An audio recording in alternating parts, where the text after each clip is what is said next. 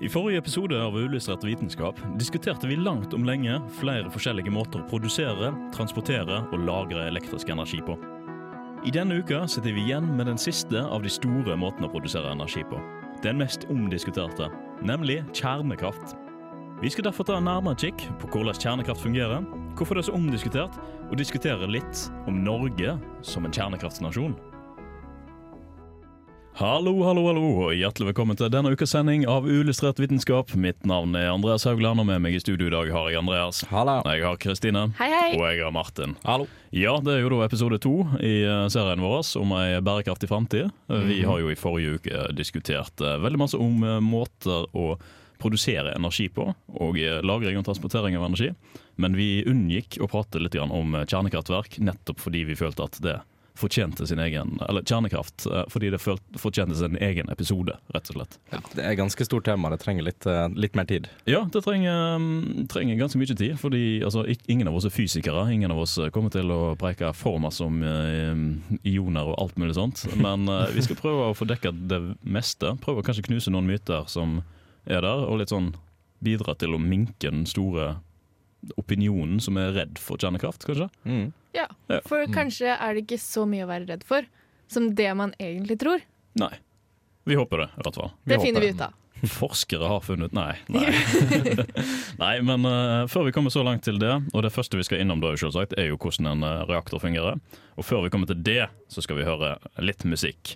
Du får eh, låten 'Ride' med Chain Wallet her på Uillustrert vitenskap på Radio Revolt. Illustrert vitenskap er dritkule. Dere er det beste programmet ever. I love you guys. Hilsen super,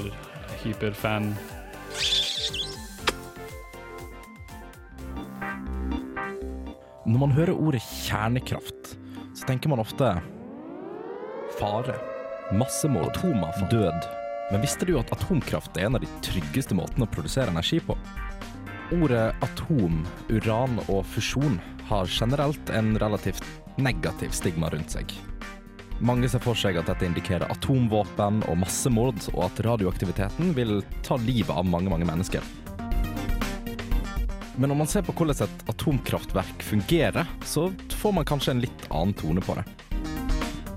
Det eneste som egentlig blir produsert i et atomkraftverk, det er damp og varme, som gir kraft videre til en generator. Så enkelt er det. Det aller første som skjer, er at drivstoffet, i dette tilfellet uran, blir lasta opp i en reaktor som ofte består av en stor betongkuppel, som er forsterka av sikkerhetsmessige årsaker. I kjernen av denne kuppelen blir atomene i drivstoffet splitta, og det genereres varme. Her vil reaktoren ha muligheten til å trekke opp og ned diverse staver som trekker til seg nøytroner, som kan brukes til å sette opp eller sakte ned farten på selve kraftverket. Deretter strømmes vannet igjennom, som plukker med seg varmen, og som blir lagt over i en konstant vannstrøm, hvor den gir fra seg denne varmen igjen til en varmeveksler. Denne varmeveksleren har kontakt med en annen separat vannstrøm som genererer damp via varmen. Disse to er aldri i direkte kontakt med hverandre, slik at vannet ikke skal forurenses.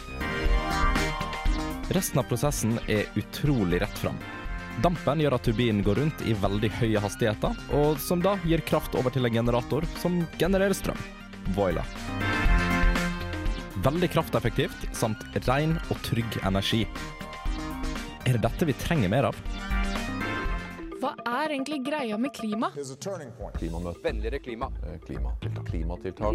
Klima. It'll get cooler, it'll get warmer, it's called weather. På uillustrert vitenskap. Ja, og det var litt introduksjon om kjernekraft. Mhm. Litt åssen eh, fungerer egentlig disse her eh, store, skumle greiene som vi ser på The Simpsons? Ja, fordi de, i praksis så er det jo egentlig koking av vann som skjer, det er det som er energiproduksjonen. Men så har du et, um, en energikilde for å varme vannet, på en måte. Og det er denne her uh, kjernekraftsreaksjonen, holdt jeg på å si. Altså, Ja, altså Vi har jo bare funnet ut at det faktisk er ekstremt lett å lage varme, så lenge vi har det i kontrollerte forhold. Ja. Og når vi klarer å lage damp av det, så klarer vi å drive turbiner. Og når vi Ja. klarer å drive turbiner, så klarer vi å drive generatorer. og hva er avfallet av varmt vann? Damp. Ja, Damp. så Damp. Så det ser jo veldig skummelt ut, da.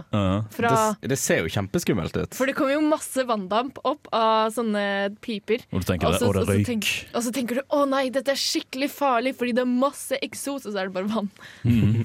Det er hvit sånn camtrail-røyk. Det, Ja. Chemtrail-røyk, akkurat det der. det er det de egentlig lager. Ja. Nei, Nei. men, ja.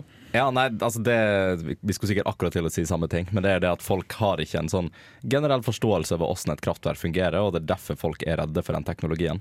Ja. Det, det kan være en grunn. Absolutt. Mm. Og det er veldig synd når det egentlig Jeg har jo prøvd å satt meg inn i dette her så godt jeg kan, men hvis du skal gå inn i selve prosessen om liksom hvordan, hvordan splittinga fungerer og sånt, så Ja. blir en sittende med så mye matte og så det mye kan vi la være til fysikeren og til um, ikke minst Wikipedia. Uh, hvis Ja. du har lyst til å lese opp på det, så finnes det i plentivis med artikler som forklarer hvordan um, spalting av atomer fungerer, og hvorfor, hva du må gjøre for å få de ulike brenslene. Vi skal snakke litt mer om det senere, selvsagt. Men uh, akkurat her så er det jo litt kjernekraftverk. Ja. Ja. Det er bare litt Vi tar gradvis over hvordan det fungerer, og bare gir en sånn generell forståelse, da. Det føler jeg er det viktigste. Ja. Uh, og det dette er jo det som er den mest vanlige typen. Dette er liksom uh, fusjonskraftverket, det er helt vanlige. Uh, men det finnes jo ting som eksempel eh, stelleratorer. Du mener fisjonskraftverk? Fisjons Ja, var selvfølgelig det jeg mente. Uh, alle de, all den terminologien Ja, går litt ja, sånn i eh, hodet. det er bare sånn eh, veldig hurtig. Fisjon er jo splitting, fusjon, sammenslåing. Riktig. Det som skjer i stjerner. Ja, stemmer det. Men så det som er vanligst, er at du slår sammen atomer? Nei. Jo, Nei. Altså, det som, jo, jo, absolutt det som er vanligst i universet. Fordi Nei, men stjerner i i... eh, kraftverk. kraftverk så splitter du. Ok, Men du kan også slå sammen? Hypotetisk. Eh, eller det vil si, man har et par eh, sånne finurlige konstruksjoner spredt rundt omkring i verden, men det er kun testgreier, fordi per dags dato så bruker de mer energi enn de produserer. Oh, ja. Eh, og det er det da f.eks. en stellarator, som du så vidt skulle nevnte. Ja, uh, stelleratorer fungerer jo litt på uh, Der det handler jo mer om plasma og Ja. ha høye varmer. Ja. Uh, mye høyere varme enn en vanlig reaktor. Mm. Eh, det har vi faktisk snakket om en gang tidligere, hvis jeg husker riktig. For noen år tilbake så mener jeg jeg presenterte en stellarator. Eller eventuelt så hadde jeg skrevet ferdige manus, og så stakk jeg til Japan, og så presenterte dere en stellarator. Jeg tror, vi har toucha innom stelleratorer før, Ja. eh, men det de har funnet ut, er jo at stellarator stellerator i det designet eh, ikke fungerer. Nei. De har jo kutta det for en russisk løsning, så de kalte for tukamak. tokamak. Ja, stemmer, stemmer. stemmer. Ja. Eh, der hele prosessen går mer om at det er et vakuumkammer eh, hvor plasmaen blir sperra inn. Det er fortsatt samme formen, eh, og det er formen basically en donut eller en torus. Mm. Eh, jeg liker å kalle det donut, for det høres mer gøy ut. Det, høres, det gir mer mening òg. Det gir mer mer, det er lettere å kunne visualisere det. Eh, så selve prosessen i den nye russiske, det er jo det at det, det er et vakuumkammer. Eh, som holder plast, eh, plasmaen uh, fanga i magnetfeltet, holdt jeg på å si. Jeg har ikke lyst til å gå inn på akkurat Nei, nei, nei, det men det er bare sånn spennende å touche innom det. Trenger ikke å gå på funksjonen. Nei, Nei, det, det handler om at de, de fusjonerer hydrogen, Mm. eh, så får du helium. Mm. Og, men de har ikke klart å lage noe ja, skal vi si netto energi. Sant. det helt nei. Men det er i hvert fall sånn tror det er sånn 100 millioner kelvin inni der, eller noe sånt. Insane. Ja, det kan stemme. Hvis denne plasmaen kommer i kontakt med hva som helst, så er det takk og farvel til det stoffet. Ja. Ja. Mm. Jeg vet at de forsker på deuterium og tritium, som er på en måte to isotop av, uh, Av hydrogen. hydrogen. Ja, Mm. stemmer. Mm.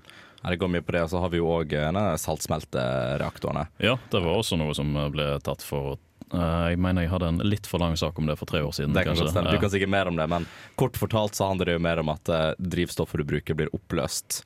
eh, I stedet for at det blir avfall. Ja, altså Man har et flytende medie i, Mm. eh, nedsenka i vannet som genererer varme. Et såkalt um, salt.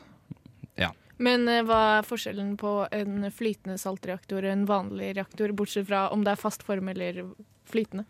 Jeg tror egentlig Haugland kan, kan svare bedre på enn meg, Ja, du som har presentert den saken. Altså Det var jo noe med Selvsagt så er brenselet annerledes. Eh, en saltreaktor vil i hovedsak bruke en thorium som brensel, Ja. eh, som vi skal snakke litt mer om senere, hva forskjellen er. Mens eh, de vanlige med fast brensel bruker uran-isotoper for å drive fisjonsprosessen.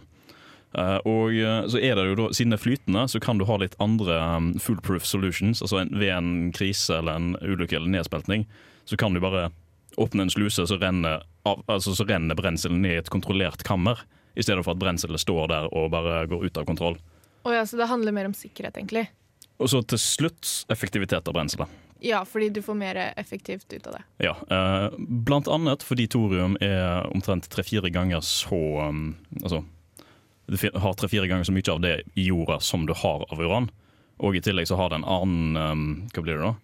spalte vei å gå for de fissile drivstoffene, altså brenslene, Ja. sammenlignet med uran. da. Mm. Så er litt, litt lettere å utnytte. Veldig fascinerende å lese seg opp på det. Jeg husker jo litt fra den, der, men ikke så mye som jeg hadde håpet. Uh, absolutt veldig spennende å se på. Og det er jo noe som Norge som atomnasjon Altså vi har masse thorium i bakken vår, i jorda vår, som vi kunne ha utnytta og brukt til dette her. Så det er jo et kjempepotensial som potensielt er, er tapt. Er det derfor vi har så mye radon i jorda òg? Thorium og radon, jeg vet ikke helt uh... De er ikke samme, på samme vei. Nei, Du skal får ikke radon når du spalter thorium. Nei, nei, Nei, det gjør det ikke. Ok. Jeg er litt usikker på hva det siste avfallsstoffet i um, er kanskje- thoriumspaltingen er, men er, er det neptunium der også? Jeg lurer på om det er plutonium. Plutonium som det er ender. Ja, ok, ja. Eh, og mm, ja, så er det dog det avfalls... eh, eller halveringstiden til dette løpet som thorium tar, er litt kortere enn det løpet som uranium, uran tar.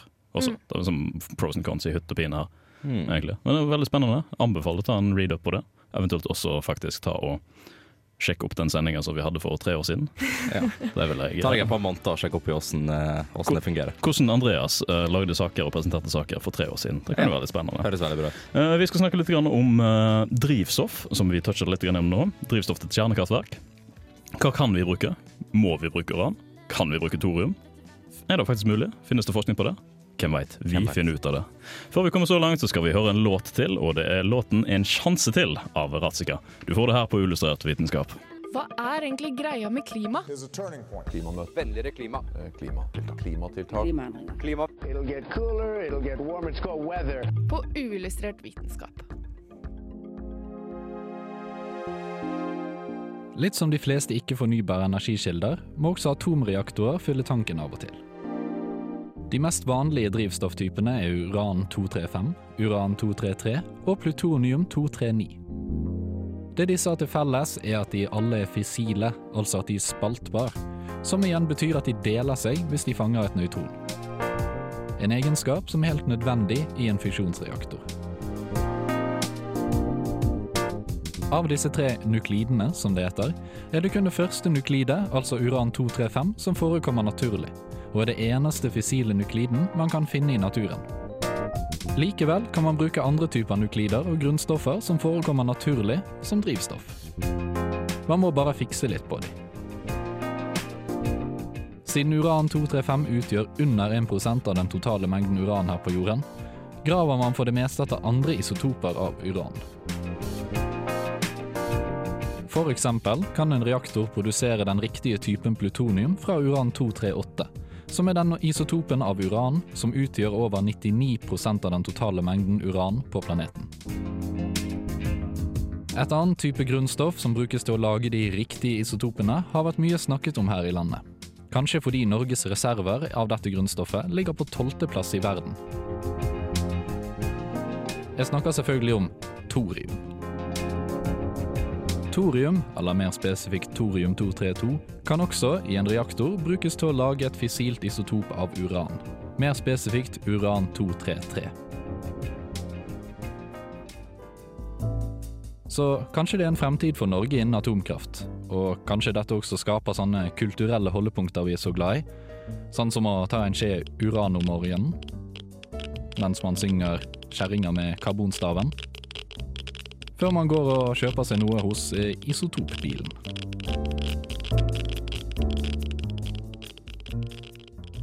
Jeg er Aksel Tidemann. Jeg jobber som forsker på kunstig intelligens ved Telenor Research, og du hører på uillustrert vitenskap. Ja, det hadde vært en eh, veldig fascinerende vri på folkeeventyr og folkeviser, dette her. Det hadde det. Det er, ikke minst isotopbilen. Hva selger de hos isotopbilen? Uran 233. Okay. Og thorium. Is og top. Is og top, ja. Der har du det. Ja. Istedenfor toppis. det noe toppris? Nei. Toppris og top. Ja, sant? Ja, nei, men uh, Uansett. Uansett. Digresjon. Mm. Nei, jeg merker jo at det her var jo litt utenfor mitt, eh, mitt uh, kom, min komfortsone, for å si det sånn. Ja. Uh, partikkelfysikk ikke helt min greie. Nei, men, men sånn brenselmessig, dette her var jo mye statistikk eh, og tall og sånt. Det og det er gans, det. Gans, ganske fascinerende at uh, en så liten landmasse som Norge har, faktisk Mm. ligger på tolvteplass i thorium deposits i verden. Ja. Og vi bruker vel egentlig ikke thorium til så veldig mye i det hele tatt. Nei, lenge siden jeg har sett en eh, bil laget av det, for å si det sånn. Ja. Jeg vet det er noen land som bruker thorium, men jeg er litt usikker på hva det brukes til annet enn uh, atomdrivstoff. Ja. Eller de, de sliter jo litt med Altså, det går an, men det krever jo litt. Fordi man må jo faktisk fyre et nøytron inn i thoriumet for Ja. at det skal endre atomtall. For jeg snakket jo litt om isotop. Jeg kan jo kanskje forklare fort hva det er. Ja, ja, vel, hiv dere Ja. fort ut. Fordi, fordi thorium 232, det vil si at den har atomtall 232, altså protoner og nøytroner i kjernen er totalt 232. Når du skyter inn et nøytron, så får du thorium 233. Hvis du hadde fått, hvis du hadde skutt inn et proton, så hadde du endret grunnstoffet. Ja. Men det gjør ikke et nøytron. Nei. Så da er det fortsatt thorium, bare med et annet atomtall. Altså et annet isotop. Ja. Å, Så Ja. det, det du vil gjøre da for å få det fissilt eller radioaktivt, sånn at det kan spaltes, er jo å skyte inn noe som gjør at det endres til et fissilt isotop eller et fissilt grunnstoff. fordi det er Ja. ikke alle grunnstoffer som er fissile, det er bare noen av de. Ja. Er det sånn forstått? Ja, Ja. det stemmer. Og det som er med thorium, det er at når du skyter inn et nøytron der, så får du Så blir det til thorium 233, som sagt. Det desintegrerer, og da får du det som kalles palladium 233, med Mm. litt betastråling. Som eh, ender opp med å bli uran 233, med litt betastråling. ja, og der har du det fissile Der har du det fossile. ja, som du kan bruke. Og det samme går an å gjøre med uran 238. Da ender du opp gjennom neptunium 239, så får du plutonium 239. Så er fissilt. Ja, og plutonium er vel eh, noe vi egentlig ikke har lyst til å ha så veldig masse av, ettersom det, det brukes jo til litt kjipere ting. Det gjør jo det. Det, det brukes jo i eh, bombommer. Store bombommer, som det kalles. bombommer. Ja. Jeg trodde de brukte uran, jeg. Nei, det er i hovedsak plutonium. Ja. Eh, basert på det jeg har sett på eh, internettet. Ja, du har Mm. ikke laget den selv, Nei, altså? nei, nei. nei. Eh, la oss ikke få eh, PST på døra, skulle jeg si. Men det som var litt spesielt, det var at eh, jeg fant ut at de mest vanlige avfallstypene av eh, fra atomreaktorer er jo uran-238 og plutonium-239. Mhm. Så jeg skjønte ikke helt hvorfor det ikke brukes videre som drivstoff, akkurat den delen der. Det kan ha noe med at det er vanskelig å skille plutonium og eh, altså, altså at det er en klump med blanding av plutonium og uran. Jeg, et, altså det, det avfallet. ja, det kan jo hende, men jeg vet ikke om de kommer fra samme reaktor. Nei, akkurat, ja. ja mulig, mulig. Eller, så det, og så er det, så det er det mulig å gå andre veien tilbake like energieffektivt som man vil. Det er jo kanskje et aspekt som må tenkes på. ja. ja, for det har jo vært forsket mye på det å prøve å gjøre atomavfall brukbart igjen. Ja. I Um, andre ting enn eksplosjonsvåpen. Ja, Ja. og uh, ammunisjon. Ja. De bruker jo uran på ammunisjon fordi det er ganske solid. Ja. Det er veldig solid stoff. Uh, men der uh, går er mine fysiske egenskaper, holdt jeg på å si, kunnskaper, litt begrenset. Jeg er ikke så eh, fysisk aktiv der. Nei, hvis dere skulle ha lyst til å vite mer om det, så kan dere ikke høre med en kjernefysiker. Jeg tror oh, ja. kanskje at eh, hvis man har teknologien til thoriumkraftverk, sånn som den eh, partikkelakseleratoren, eh, så kan man eh, på en måte aktivere det igjen. Men da må Ja. du ha den teknologien, og du må bruke den aktivt. Du, Ja. altså det, krever, det, er mye, det er veldig energikrevende å ha en sånn partikkelakselerator stående i hagen, liksom. Så derfor så må du på en måte ha en god teknologi, gode rutiner for det, for å få det til å fungere. Ja. Og det er kanskje det man mangler, da.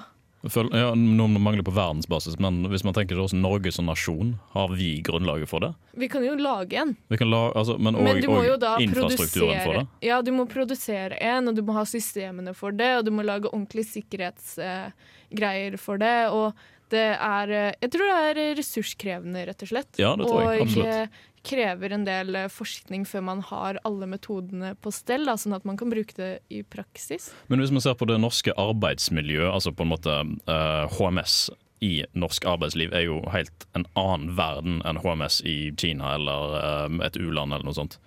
Rutine ligger litt grann i blodet, kanskje? På en måte At man har der et grunnlag for å gjøre det bra? Jo, men du har også den derre Vi må være helt sikre på at vi har alt på stell, og alt er greit før vi kan gjøre noe. Og Ja. da tar det veldig lang tid å utvikle noe som helst, fordi at man skal være helt sikker på at alt er helt til punkt og prikke og kjempesikkert før man bruker det. Ja. Og da Det krever en del jobb, men eh, det er jo, som dere sier, mye ressurser i det. Mm, -hmm.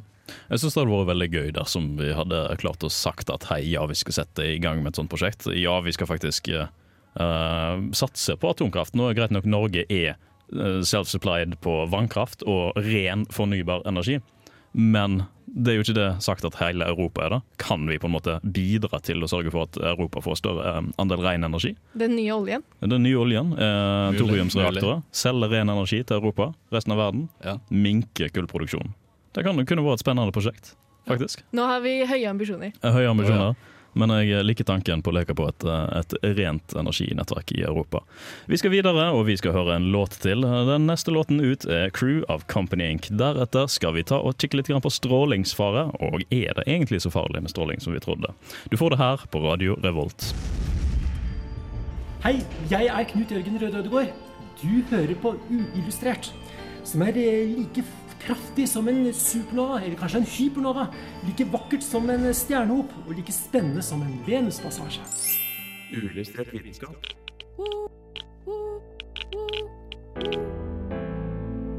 Vi hører stadig vekk at stråling er farlig. Men ikke kan vi se det, og ikke kan vi føle det. Hva har jeg egentlig å frykte? All stråling kan være helseskadelig. Infrarød stråling kan gi deg brannskader, og UV-stråling kan gjøre deg snøblind og solbrent. Generelt er det sånn at mye stråling kan gjøre deg brent og varm. Men det merker du, og det kan du unngå. Men så har vi den ioniserende strålingen og den radioaktive strålingen. Kort fortalt er radioaktiv stråling partikler eller energi som kommer fra en kilde.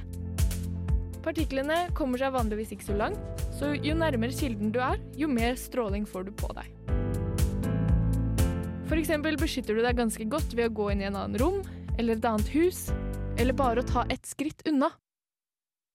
Huden og klærne beskytter ganske godt mot alfa- og betastråling, så er den mest energirike typen stråling, og derfor de mest farlige. Derfor er det mindre farlig å være i nærheten av en slik kilde enn å f.eks. få det i deg ved å puste det inn, eller få det inn gjennom maten. Men hva gjør strålingen med oss? Jo, den energirike strålingen ødelegger DNA-et og gir det skader. Ofte er det skader i områder som ikke er i bruk, og for det meste klarer kroppen å reparere skadene helt på egen hånd. Men det er noen få ganger så blir det en skade som ikke kan repareres, og som fører til kreftutvikling. Men dette kan ta lang tid, og konsekvensene merkes kanskje ikke før om 10-20 år etterpå. Så hvor mye stråling må jeg få i meg før det er farlig? Jo, effektiv dose stråling måles i sievert. Én sievert sies å gi omtrent 10% økt risiko for å få kreft i løpet av livet. Og opptil 100 millisievert gir ingen økt risiko i det hele tatt. For da kan du ikke skille det fra de andre grunnene til at folk får kreft. Og det tilsvarer ca. 100 kontinentale flyturer i løpet av et liv, altså. Eller å bo over 100 år som nærmeste nabo til et kjernekraftverk. Før det er snakk om litt økt risiko engang. For at det skal begynne å bli dødelig, så må du oppgi mer enn to sivert over kort tid. Og det skjer ikke med mindre du står ved siden av en kjernekraftreaktor når den sprenger, eller det blir atomkrig. Fornybart. Jeg vil ha enda mer. Ren energi. Det må jeg si var helt OK. Karbonnøytral produksjon. Mm. Parisavtalen. Fantastikk. Bærekraftig utvikling. Å, det er akkurat det jeg vil ha! Resirkulering. Ja! Uillustrert vitenskap presenterer Ei bærekraftig framtid på Radio Revolt. Ja, det er helt riktig. Du har kommet til episode to i eh, serien vår om ei bærekraftig framtid. Vi eh, skal videre neste uke og prate mer om dette, her, men da skal vi bort ifra energiproduksjon. Et lite steg tilbake nå, så har vi jo eh, snakket litt om kjernekraftverk og ikke minst drivstoffet for dette. Men vi har ikke snakket så masse om hva som er farlig, eller hva kan være farlig. Og da kommer jo akkurat helseeffekter av strålingen, og det er jo noe som vi alle er redde for, da, i hermetegn. Ja, for det som er farlig med kjernekraft, er varme Ja. og stråling. Det er det som kan være farlig. Eh, Bortsett fra hvis noen liksom skulle få en eh, murstein i hodet, liksom. Men Av kjernekraft. i et uh, generelt uh, arbeidsmiljø. Men Ja. det er liksom, det ser vi bort fra. Ja. Uh, også fun fact. Kullkraftverk slipper ut mer stråling enn atomkraftverk. Hmm. Fordi det er radioaktive isotoper i eh, kull Ja. som kommer ut gjennom eh, dampen fra et eh, kullkraftverk. Eksosen, eller hva jeg skal kalle det. Ja. Og det puster man inn.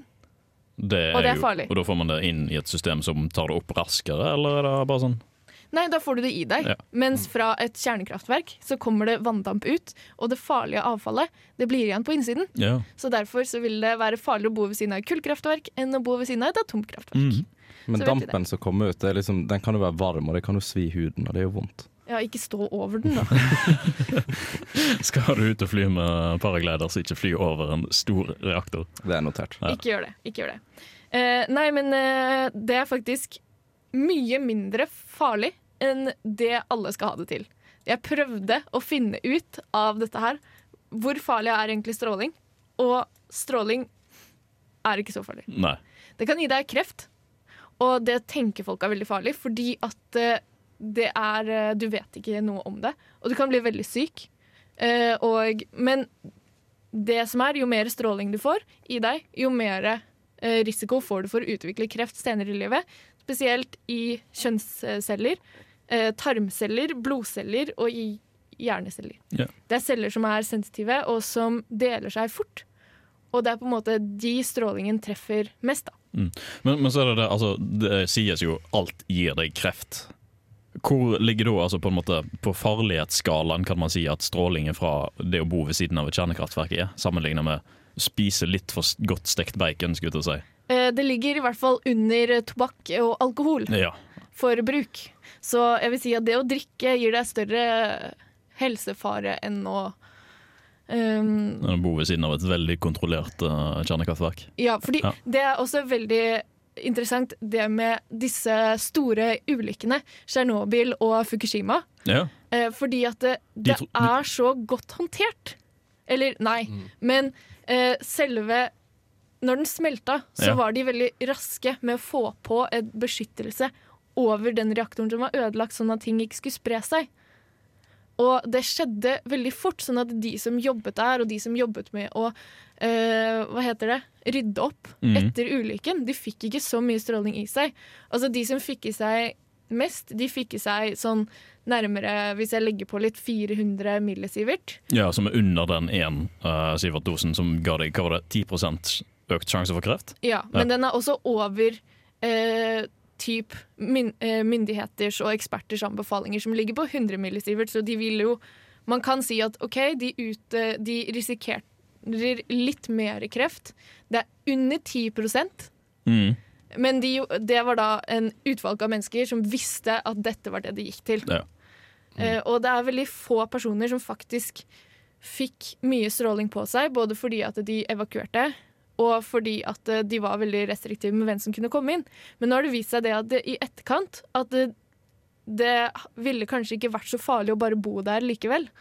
I områdene rundt Tsjernobyl, for eksempel. For det jeg har hørt, er jo bare himmelhøye tall om at flere tusen, hundre tusen har fått kreft og dødd av som omfang av Tsjernobyl-ulykken. Og det samme kommer til å skje med Fukushima-ulykken. Altså de som har bodd der og når det gikk skeis, at hei, dette her var ille. Dette her, Folk kommer til å dø. De som bodde nær uh, da det skjedde, de frikket seg 30 millisievert Hallo! før de ble evakuert. Det er ganske lite. Og det er under den derre 'dette har ikke noe å si'-grensen. Uh, så det er egentlig konkludert med av uh, verdensledende eksperter om at uh, dette har ført Altså evakueringen førte til mye mer skade enn godt, fordi at det splittet opp familier, folk var usikre. Eh, man har opplevd mange psykiske vansker og usikkerhet, da, som kan lage mye, mye, mye større helseproblemer enn eh, kreft. Ja. Skal jeg tørre å legge litt vekt på psykiske lidelser, og hvor mye det kan eh, være vanskelig for en person. Ja, men Var det ikke sånn at i høy grad ja, nettopp det du sier, stresset fra å bli evakuert og stresset fra å være borte, gav rundt sånn ti ganger mer helserisiko enn selve liksom faren med at det var et atomkraftverk som smelta. Jo, det er nemlig det. At eh, det har ført til større ødeleggelser i livskvalitet. Mm. Men så har det faktisk ført til litt kreft. Nå, jeg, jeg fant Jeg lette lenge. Mm. Lenge om Så fant jeg at eh, når den Tsjernobyl-reaktoren eh, smelta, så kom det masse radioaktivt jod ut i lufta. Eh, det landa på gress som kuer spiste. Og da, de samler opp joden og putter det i melk. Altså de oppkonsentrerer jod i melk, for det er bra for barn og whatnot. Ja. Eh, og så ga folk dette jodet til Eller denne melken til barna sine. Og disse barna eh, fikk kreft i skjoldbruskkjertelen. Fordi skjoldbruskkjertelen den oppkonsentrerer veldig mye jod, fordi det trenger den for å lage det den skal. Eh, det, er en, eh, det er et organ som lager stoffskiftehormoner. Mm. Eh, og da trenger den jod. Og de har fått skjoldbruskkjertelkreft fordi de har fått radioaktivt jod i seg. Ja. Men så har det seg slik at radioaktivt jod det har en halveringstid på åtte dager. Så hvis de hadde tatt karantene på denne melka i et par måneder, så hadde de ikke utviklet kreft. Det er ganske kort halveringstid, må jeg si. Ja, og det er det som på en måte Det er eh, det som har ført til kreften, men det kunne vært lett unngått da ved å hindre inntak av den melka. Og det er det som skjedde i Fukushima også. at det, De stoppet det. at det som havna i vannet For folk var sånn Oi, shit! Den eh, kjøles ned med sjøvann. Det kommer til å bli masse radioaktivt avfall i vannet. Det var radioaktivt jod som kom i vannet, og det har en kort halveringstid. Så det betyr at det er ikke farlig over lengre tid.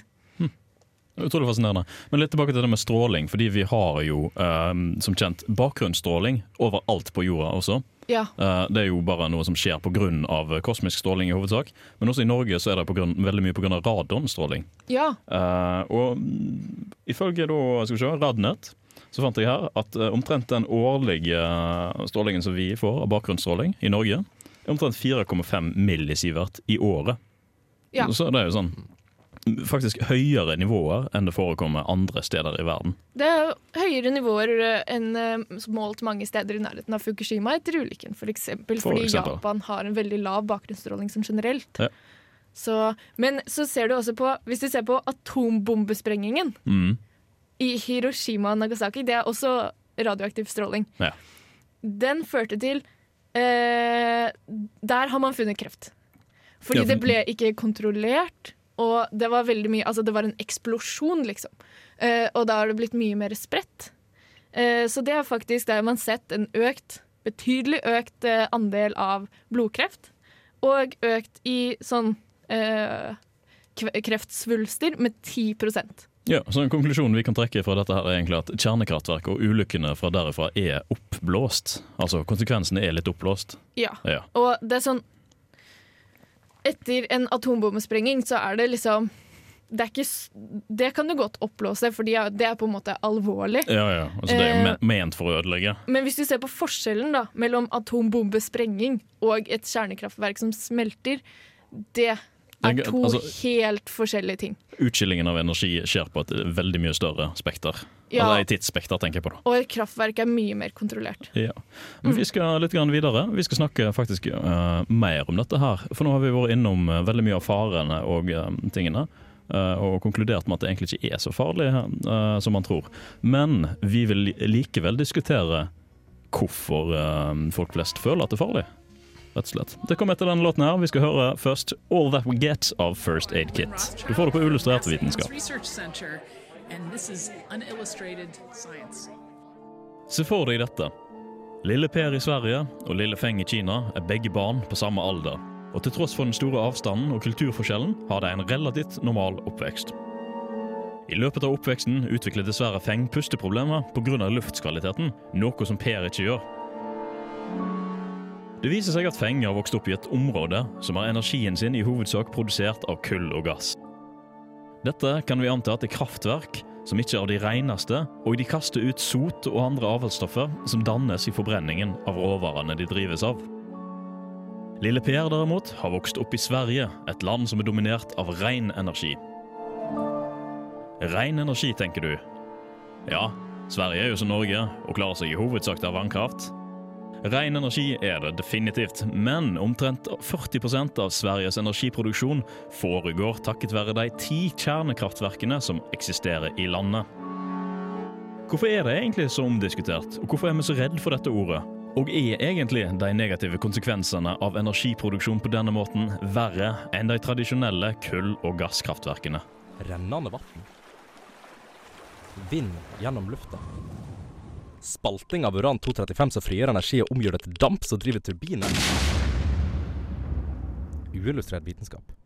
Ei bærekraftig framtid. Ja, og da er vi kommet eh, til eh, veis ende snart. Vi skal diskutere litt. Grann. Jeg, eh, altså det ligger vel kanskje veldig sterkt i kortene at jeg er kjempepro kjernekraft. Ja, det er litt så sånn eh, sinnssykt biased uh, som eh, det går an å bli, tror jeg. Jeg har lyst til å få dette i gang fordi det har et så stort potensial. Og jeg tror at menneskeheten kan faktisk uh, trenge det i framtida. Jeg fikk litt sånn hot fuss, greater good-følelse. Ja, ja, ja kan, altså, eh, det er ingenting å skyve under et teppe her. Jeg er veldig for eh, kjernekraftverk. Så eh, litt av mine meninger kommer jo selvsagt frem gjennom det også, da. Ja. Men ja, hvorfor tror dere egentlig at folk er så redd for det? Å, det det, er, det finnes en arbeidsmedisinsk eh, teori som sier det at folk overestimerer liten fare og underestimerer stor fare. Ok, Det er, det er en ting. Det er sånn Folk er mye mer redd for at uh, At uh, fabrikken skal eksplodere, enn at de skal kutte av seg fingrene på en sag. ja. Men det er mye mer vanlig å kutte av seg fingrene på en sag enn at fabrikken eksploderer. Så det er liksom sånn uh, Sånn generelt at folk er mye mer redd for ting som er sjeldnere, enn ting som er reelle farer. Fordi det har større konsekvenser kanskje da for andre enn seg sjøl. Altså, kutte av fingrene går jo bare utover deg. Og- Nei, men Det var bare et, Ja. et eksempel, da. Men Ja. det er sånn en slags vanlig fare, da. Mm, Eh, mm, ved, som, det kan jo være mer Det er jo mer, Mye av det er mer farlig. mm. Men man underestimerer risikoen. Og man tenker at nei, det er ikke så farlig, og det skjer ikke meg. Og så sånne store, fæle ting, det tenker man, det skjer meg. Dette er farlig. Mm. Og, det, og det er det forsket mye på, og det er sånn generelt tankemønster til folk. Ja. Så var det jo noen som nevnte det tidligere, at uh, kanskje man ikke veit nok om det, rett og slett. Ja, at det liksom det, ja, for det er jo ikke spredd nok kunnskap ut til folk. Det er jo ikke noe vi akkurat lærer uh, folk på liksom ungdomsskolen videregående om åssen dette her fungerer. Vi må ha mer folkeopplysning når det kommer til det. Uh, tenker jeg, da, i hvert fall. Men eh, sånn, sånn generelt, altså folk har problemer med å forstå hvordan, For det første hvordan reaktorene fungerer, hvordan strålinga fungerer. Altså, man selv jeg var usikker på hvordan strålingsfaren var Ja, ja, ja. eh, før jeg liksom begynte å lese opp på det. Eh, for man får jo inntrykket med en gang gjennom media, og spesielt da gjennom filmer, sci-fi, sånne typer ting, eh, at liksom atomkraft er det verste i hele verden. Og man er jo mye mer redd for noe man ikke kan noe om, enn noe man kan veldig mye om. Mm, Så absolutt det er jo også en ting. Det er jeg er helt enig, helt fullstendig enig. Altså, frykten for det ukjente er helt klart uh, tilstedeværende. Men hva kan man gjøre egentlig da? Altså, hva kan uillustrert vitenskap som uh, nasjonen uillustrert vitenskap gjøre for å bidra til at uh, folk ikke er så redd for dette? Eller, da, altså, Jeg lurer litt på om jeg hadde en, en, et innslag for lenge siden der jeg snakket om Tsjernobyl-ulykken. Ja. Og Da gikk jeg liksom gjennom hva det var som skjedde i Tsjernobyl-ulykken, og liksom bare hvor mange ting som gikk gale, som ikke skal kunne gå gale i dag. nei, altså, det er en så stor menneskelig svikt at det er helt hinsides at det egentlig skjedde. At, Ja, uh, for det var jo under reaktortesting, og det Ja. var liksom Det var mange sånne faktorer som er litt på kanten. En sånn pushe HMS-grenser og litt uh, ymse. Ja, og så var det vel òg at eh, det kanskje ikke, personellet kanskje ikke var godt nok trent. Nei, annet. sant. Altså at det var La oss trykke på den knappen. De undervurderte faren på akkurat det aspektet der, da, kan Ja. man si.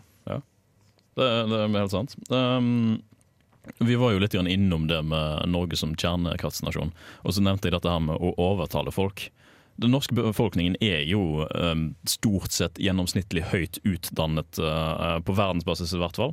Men likevel så er det jo da en stor frykt for uh, radioaktivt. Du, du møter kjempestor motgang mot uh, kjernekraftverk i Norge. Det er miljøorganisasjoner som er mot det, det er politikere som er mot det. Uh, la oss ta også Tyskland for, som et eksempel. Tyskland av, har som mål å avvikle kjernekraftverk uh, fra sin produksjon, og heller satse på andre metoder. Fordi uh, politikerne der har bestemt dette. Det er så stor motstand mot det. Hva kan egentlig altså, endres i oppfatningen der? Er det noe som kan gjøres? Vi tar og bygger kjernekraftverk uansett og bare gir faen. Det blir sånn borderline og ligner på diktatur uh, og sånt. Men altså effektiv... nei, nei, vi, vi er motstandsbevegelse. Vi er mot... skal, ah, ja, ja, ja, ja. De vi er de onde, slemme politikerne. Ja, da har du det. Nei, men altså Det er jo sånn at det, Problemet er at når disse ulykkene har skjedd, f.eks. Eh, Tsjernobyl-ulykken, det førte til en del eh, radioaktivt nedfall i Norge. Mm. Og så satt politikerne der og bare shit, hva skal vi gjøre? Vi vet ikke hva som vi skal gjøre i en slik situasjon. Uh, full panikk på kontoret, og så, og så sier de ja, men dette går fint, dere må bare ikke spise kjøtt en stund. Men greia er at man det er ikke utvikla noe særlig rutine for det. Det er på en måte, Jeg tror det er såpass nytt, da. Altså det, ja, Kjernekraft er og så lite at eh, man har liksom ikke ordentlige rutiner. Hva skjer det da hvis noe går til helvete? Det må, du få, det må man finne ut av. Men nå har man jo et uh, resultat man kan bruke. Vi i Norge i hermetegn var jo heldige at vi fikk denne nedbøren på vår jord, sånn at vi har data vi kan bruke til uh, å håndtere dette til seinere. Sånn sett heldige, Sånn sett heldige. Ja. uheldige selvsagt fordi det er jo kjipt med radioaktivt avfall. Men altså, da kan man jo bygge rutiner for dette. Ved å gå inn for å satse på det, så kan man gjøre noe med det, egentlig. tenker jeg. Men det, er så, altså, det tar så lang tid da, før man vet noe ordentlige resultater. Altså, halveringstiden er lang, og du må ha folk som er eksponert for det over lang tid Mm. for å dra konklusjoner om hva som kanskje kan skje. Da.